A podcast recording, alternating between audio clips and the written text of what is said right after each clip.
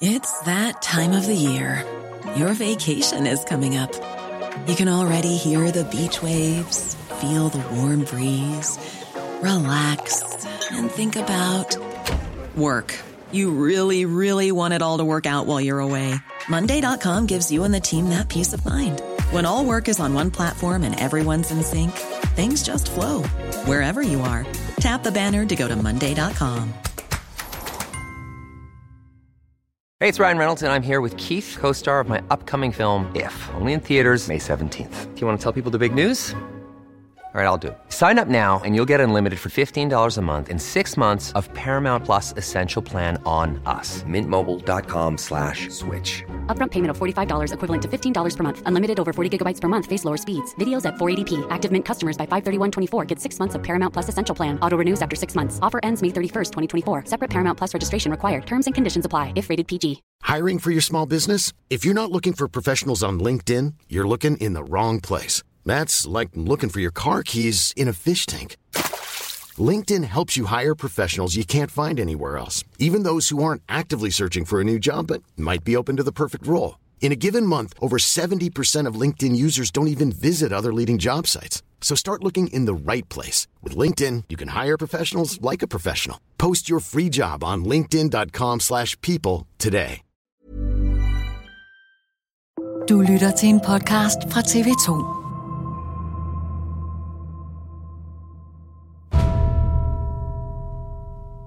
Første gang, jeg læser et manuskript til en af de afsnit, jeg skulle instruere i The Crown, der tænker jeg på de her karakterer, mens jeg læser som fiktionsfigurer. Men man kan sige, at i processen omkring at arbejde med det her stof, så er de blevet mere og mere virkelige. Og på den måde kan man sige, at min proces er nok anderledes end det, som publikum oplever, når de ser The Crown. For dem starter de som værende virkelige mennesker, og så gradvist bliver de dramatiske figurer. Men uanset hvordan jeg anskuer dem, altså om jeg anskuer dem som fiktive figurer eller som virkelige mennesker, så har jeg meget stor respekt for dem, de er, og det arbejde, de udfører, og den position, de er blevet født ind i, at skulle påtage sig. Og særligt Charles har jeg meget stor veneration for. Ham kunne jeg godt øh, drikke en lille sjus med.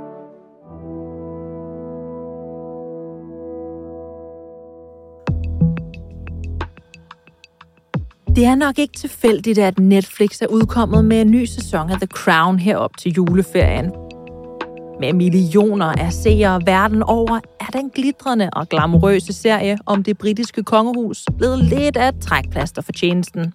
I centrum for optagelserne har danske Maj El stået som instruktør på fire afsnit af serien.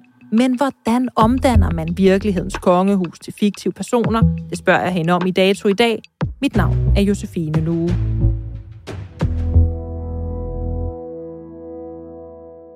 Hvis jeg siger William, Kate, Harry, Charles, Camilla, Philip og Elizabeth, tænker du så på fiktive karakterer eller virkelige mennesker? Så tænker jeg på fiktive karakterer. Hvorfor det?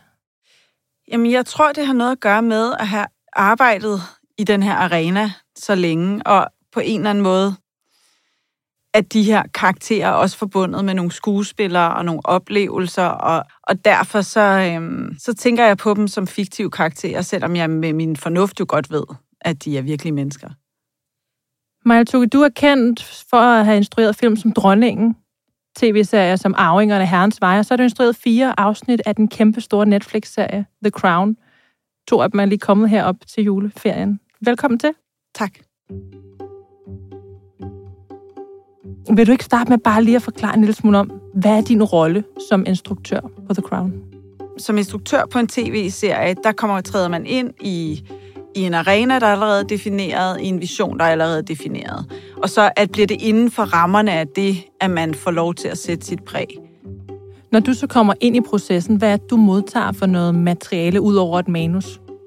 Jamen, så er det på den her serie et kæmpe research kompendie, som både knytter sig til de locations, vi skal optage i, og som knytter sig til de virkelige begivenheder og hændelser, som afsnittet bygger på. Og så er det også meget, meget tilbundsgående research på de virkelige mennesker i forhold til, hvor man mener, de har været, baseret på biografier og interviews med folk, der har arbejdet med dem, og også nogle gange psykologer og eksperter. Alt det materiale er jo mange, mange 100 sider, altså på den anden side 500 sider. Så først er det noget med at tilegne sig al den viden, og så til dels også kassere den viden igen og sige, okay, nu ved jeg, hvad der ligger til grund for det her afsnit. Så hvad er mit gaze på det? Hvad er mit blik på det? Så hvad er det for eksempel, du kan finde på at vælge fra eller vælge til, når du skal lave de her karakterer? For mig er det meget vigtigt, at de valg, vi træffer på karakterernes vegne, er plausible, og at der er en høj grad af sådan nuancering og kompleksitet. Og det kan man sige, det er særligt vigtigt, synes jeg, fordi det også bygger på virkelige karakterer. Så selvom jeg ser dem som fiktionskarakterer, så føler jeg et meget stort ansvar i forhold til, at det er virkelige, og mange af dem nulevende mennesker. Og øhm, så til- og fravalg er nok baseret på, hvad er plausibelt i forhold til karakterens psykologi. Jeg vil for eksempel ikke være komfortabel med, at William havde en hobby, hvor han spillede trommer, når vi ved, at han ikke spillede trommer. Altså, eller at han lytter til noget musik, som er meget langt væk fra det, vi ved, han lytter til, og den slags musik, vi ved, han kan lide. The Crown doesn't ask existential questions of itself. Perhaps it should. Hitserien The Crown har siden 2016 forarvet og betaget seere verden over, og har nu nået sin 6. og sidste sæson. This is what we expect to be the longest serving monarch in history. Serien, der med den kongelige Windsor-familie i centrum beskæftiger sig med nyere engelsk historie, tager sin begyndelse i 1947, hvor den daværende prinsesse Elizabeth gifter sig med prins Philip. But what about the life I put aside when I became queen? Men selvom virkeligheden har dannet rammen, er det fiktionen, der maler billedet. The Crown er nemlig en dramaserie og ikke en historisk serie.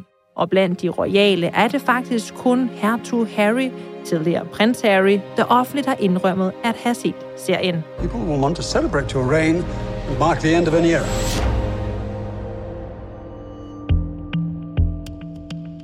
Hvis nu du sad som en del af den britiske kongefamilie, hvordan ville du så se på serien? Altså, hvilket blik ville du have på den? Jeg tror, at det at opleve, at man ikke selv kan styre et givet narrativ, det afler en magtesløshed. Det tror jeg, det gør for de fleste mennesker, og det tror jeg også, det gør for visse befolkningsgrupper, minoriteter osv. Og det er noget, jeg kan identificere mig med. Så jeg tror, at jeg vil opleve, hvis jeg var en del af det britiske kongehus, en magtesløshed. Men det, som jeg også synes er interessant ved serien, det er, at jeg tror faktisk, at kongehuset har opnået en større grad af popularitet på grund af serien. På den måde kan man sige, at det er en meget, meget dyr branding-kampagne for den britiske royale familie. Jeg kan ikke lade være med at tænke, at det, at vi i så mange sæsoner og med så stort, altså 250 millioner seere, har serien jo øh, ungefær. Og det, at vi er blevet ved med at få opfrisket, hvorfor det er vigtigt at have et monarki. Hvorfor The Crown, altså kronen, er vigtig. Hvad det er for en funktion, monarkiet udfylder osv. osv. Det kan jeg ikke lade være med at tænke, har øget populariteten. Men jeg kan godt forstå, hvis det også er svært. Og det ved vi jo ikke, om det er, for der er jo ikke nogen rigtige af dem, der har lyst til at tale om, hvorvidt de ser serien. Hvorfor skal vi egentlig beskæftige os med dem? De er jo en vanvittig privilegeret familie. Altså, hvordan kan vi relatere til dem? Selvfølgelig, de er vanvittigt privilegerede. Det er nogle meget specielle omstændigheder, de lever under. Men samtidig så er der også nogle sådan fundamentale relationelle problematikker inde i materialet, som er for eksempel sådan noget forholdet mellem forældre og børn, og søskende relationer, og pligt over for nydelse, og, og jeg tror også, det er det, der har gjort, at serien er blevet så populær. Jeg tror ikke, at serien var blevet populær, hvis den ikke også rummede det der umiddelbart genkendelige, identificerbare for et publikum. Du har instrueret afsnit 5 og 7, som kredser særligt omkring William. Have you decided where you're going yet, William? Well, um, I was lucky enough to um, meet the conditions of my first choice, so it's going to be St. Andrews.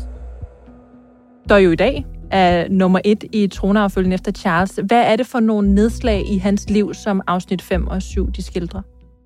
Afsnit 5 handler om Williams soveproces i kølvandet på Dianas død og den konflikt, han har med sin far i den forbindelse. afsnittet handler også om det der med, at den her unge mand bliver det, som befolkningen projicerer deres håb og drømme over på, og han får den ikoniske status, som hun havde før ham, og det er mit indtryk, at han stadig i, i ret høj grad bærer den status. Altså, at han er et meget populært medlem af, af den royale familie. Nærmest mere populær end sin far. Afsnit 7 handler om William, der starter på Universitetet St. Andrews. Han fylder 18, og der starter Kate Middleton også. Og det er sådan et, kan man sige, en sådan kondenseret, moody romcom, hvor vi følger dem igennem deres første år på universitetet. Og det afsnit optog vi faktisk i St. Andrews, som er sådan en universitetsby, hvor to tredjedel af befolkningen er studerende. Og i de år, hvor William gik der, der havde de kæmpe, kæmpe stor tilstrømning af kvindelige studerende, særligt amerikanske piger, som øh, håbede, at de lige kunne, kunne nappe sig en, en prins der. Hej. Hello.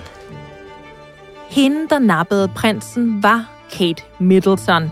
I serien skildret som universitetets babe, som alle drengene sukker efter og sender lange blikke.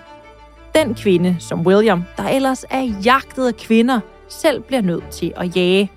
Her mødes de to på biblioteket, og sød musik opstår. I'm in the room directly above you. So it's you that's been keeping me up at night. Den romantiske stemning forsvinder dog hurtigt, for den pige, som William dater, dukker fornærmet op og ødelægger hans store øjeblik med Kate. I frustration afviser han bredt en tredje kvinde, og kommer og spørger om en autograf, hvilket forarver Kate. I ved ikke, hvad det vil sige, at folk hele tiden er efter en, forsvarer William sig. Jo, vi gør, siger Kate. Vi er piger. Vi bliver beglået hele tiden. Hvad er hensigten med den scene? Peter Morgan arbejder med sådan et stort forfatterrum, særligt virkelig mange stærke kvindestemmer, og inklusiv min egen. Altså det der med, at jeg bliver nødt til på en eller anden måde at ture udfordre hans egen selvfortælling. Så vi har været frem og tilbage. Der har ligesom altid været den her sådan feministiske understrøm i materialet. Men det er klart, at jeg har med den, jeg er, og den, jeg er som fortæller, også haft et ønske om virkelig sådan at cementere det tema. Altså, jeg synes, det har været vigtigt, at vi også tør modernisere blikket. Altså, at være tro mod tiden, men også prøve at sige, jamen, hvad nu, hvis hun sagde det her og var forud for sin tid? Hvis hun siger det, vi tænker også som publikum. Ja, for når jeg ser det, så kommer jeg både til at se den scene som værende, nu skal du også stoppe med at have så ondt af dig selv, for du er jo et super privilegeret menneske. Men Kate er jo også ret stærk, i og med, at hun jo faktisk står foran en kommende konge og siger, lige netop, stop med at have ondt af dig selv. Ja. Ja. Ja, og hun havde jo, så vidt jeg husker i forhold til research, så lavede hun på St. Andrews en, øh, en studiegruppe, som fokuserede på primært kunst, malerkunst lavet af kvinder, fordi at så stor en del af pensum var baseret på mandlige kunstnere og malere og skulptører. Øh, så hun har haft en interesse for og et sådan veneration imod det der. Og det kunne man jo godt vælge at sige sådan om, det er vi ligeglade med, fordi vi reproducerer en eller anden idé om, at hun er øh, kvinde i nød, der ligesom har brug for at gerne vil den her prins, og som ikke rigtig har en egen drift og en egen vilje. Det har i hvert fald været vigtigt for mig at fremme nogle af de der ting, der gør hende til en karakter, der har kant, og til noget, som en ung kvinde i dag måske også kunne identificere sig med i nogen grad. Udover William og Kate er de bærende figurer i Maja Tukis afsnit Williams bror Harry og hans far Charles. To, der har et lidt mere blakket ry i den britiske offentlighed. Hvor William arvede folkets kærlighed fra sin mor, hviler der mere en status af antihelte over Harry og Charles. Altså, man kan sige officielt som figurer i mediebilledet, så er der sådan en idé om, at Harry er naughty og William er nice. Swallow some hallucinogenic mushrooms and have a fist fight with a local Alex, anything. Just promise me you'll try not to be quite so What? Uptight. repressed, responsible, and boring. Det stemmer faktisk ikke, fordi i forhold til research, der har William også udfordret rigtig meget, og har også lavet alle mulige narstreger. Men det er ligesom, det er Harry, der bliver knaldet for dem, og det er Harry, der tager skylden. Og det har jo noget at gøre med medierne, men det har jo også noget at gøre med nogle af de strukturer, der er inde i familien, at det er ret vigtigt, at tronfølgeren er rimelig pure. Fordi det skal jo være en guddommelig figur. Og derfor så er der ligesom sådan opstået det her narrativ, både, tror jeg, inde i familien, men også udad til. Harry er jo for mig en karakter i afsnit 5, som er lidt bedre til at håndtere, eller i hvert fald turde være i smerten og i sorgen og i sådan den forvirring, der opstår i kølvandet på, at Diana dør i 97. Og William er ligesom den, der prøver at undslippe og måske lige snuppe en genvej og ikke rigtig behøver at kigge på sorgen. Du har jo også noget viden, du har jo markant mere materiale om dem, og har selvfølgelig også været noget til og noget fra. Er der noget i den her proces, der har gjort, at du ligesom har ændret din holdning til karaktererne, som de er i virkeligheden? Altså til de rigtige mennesker? Altså man kan sige, fordi jeg ikke er født og opvokset i Storbritannien, så har jeg jo naturligt, tror jeg, en lille smule distance til dem. Men øhm, jeg tror, at den, der har overrasket mig mest, det er nok Charles. Der er noget med, at han er et menneske, som simpelthen har skulle kæmpe så meget for at få lov til at være den person, han er, og næsten er blevet knækket af systemet. Og jeg synes, det har været spændende at finde ud af, hvor dannet han egentlig er. It's not self-pity, is it? It's grief. And for his own sake, he needs to let it all out. Will you talk to him, mummy? Det har været virkelig spændende, fordi der var så meget grave i, og der var så mange flere nuancer til ham, end dem, man har fået eksponeret. Har han måske også fået lov til mere at være den rigtige Charles i The Crown, end den han måske har været i tabloidmedierne igennem sit liv? Jamen det synes jeg jo. Altså jeg synes jo virkelig, at vi giver ham taletid på den gode måde. Jeg har aldrig nogensinde egentlig læst særlig meget om den britiske familie. Alt, hvad jeg ved om dem, det stammer fra The Crown. Så jeg får jo også en sympati med Charles og alle de andre, William og så videre, Øh, som virkelige mennesker igennem serien. Hvad er det for et ansvar, I har der? Jamen, det er jo det der med, det er jo spændende at diskutere hele det der, fordi der er ikke så meget i Danmark, men særligt i de britiske medier, der tror de jo, at vi er ude efter dem. Altså, at vi er ude efter den royale familie, og at vi vil ligesom bring them down. Altså, hvorfor lave noget i seks sæsoner, som handler om den her familie, hvis man ikke synes, at det var berettiget, hvis man ikke interesserer sig for dem. Og igennem det, at publikum får lov til at få adgang til dem, selv i en dramatiseret form, giver man dem jo en plads i verden. Det er jo interessant det der med, at kritikere af serien er blevet øh, mere vrede de sidste to sæsoner, end de har været tidligere. Og jeg tror, det hænger sammen med, at det er først nu, det går op for nogen, at det er en dramatisering. Vi har jo altid dramatiseret. Jeg kan jo godt sidde med min familie og mine venner og være sådan, ej, tænk, at han sagde sådan der til Diana. Altså, han er jo ja. fuldstændig fra den. Men jeg ved jo ikke, om den her del er den fiktive del, eller den her del faktisk er noget, som en eller anden tjener bagefter har fortalt i et interview, at det var sandt. For det er jo svært for mig at vide, hvornår det er fiktion, og hvornår det er ægte. Ja, og derfor så tror jeg, man bliver nødt til at læne sig ind i, at det er fiktion. Fordi Altså, det er jo lidt ligesom Wikipedia. Du skal da ikke slå op i Wikipedia, hvis du skal skrive, altså de er special på universitetet. Altså, fordi det er jo bare sådan random typer, der sidder og skriver alt muligt. Ikke? Og så kan man sige, at noget af det er rigtigt, men der er også en masse interesser inde i det, og et, og et blik på det. Jeg vil sige, med kendskab til, hvor udførlig research vi laver, og hvor mange mennesker vi har inde over, at der er rigtig, rigtig meget, som rummer historisk sandhed, og så er der også noget, som er poetisk sandhed. Det er svært for mig at sige sådan procentuelt, hvad der er det ene og hvad der er det andet. Og det synes jeg jo også er spændende. Altså, det hele er jo bare spændende, fordi det er jo interessant også at være en del af noget, der på den måde kan få bølgerne til at gå højt. Hvis man ellers godt kan lide at være i det space. Det er jo ikke alle mennesker, der synes, at det er sjovt at, at, øh, at blive svinet til direkte eller indirekte. Men jeg, jeg kan godt synes, at det er sådan, nej, det er fedt at lave noget, som der er nogen, der har en holdning til. Måske også, fordi der er så meget der er så meget indhold.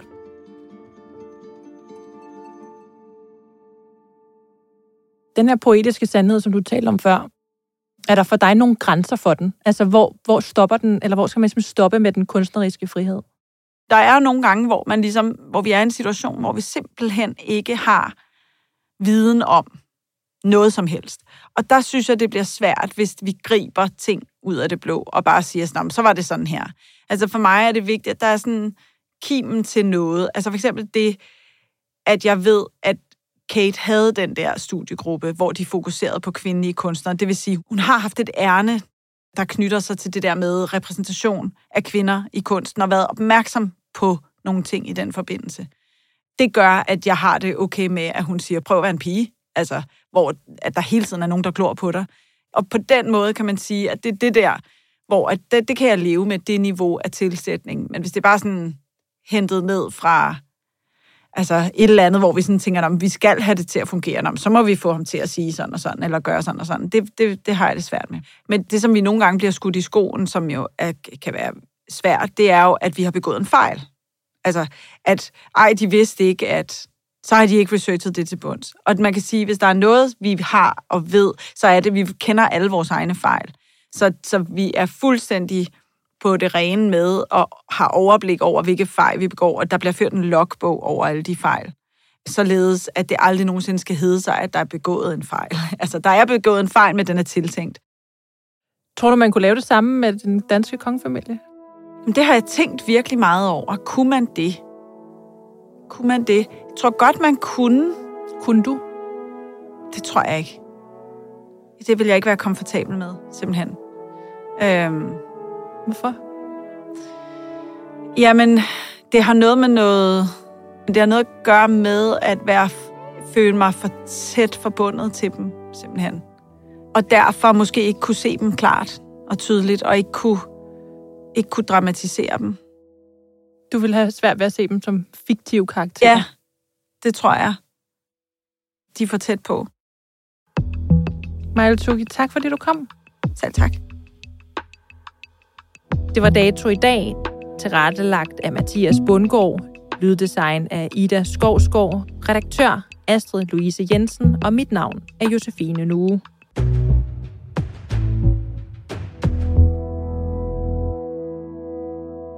Du har lyttet til en podcast fra TV2.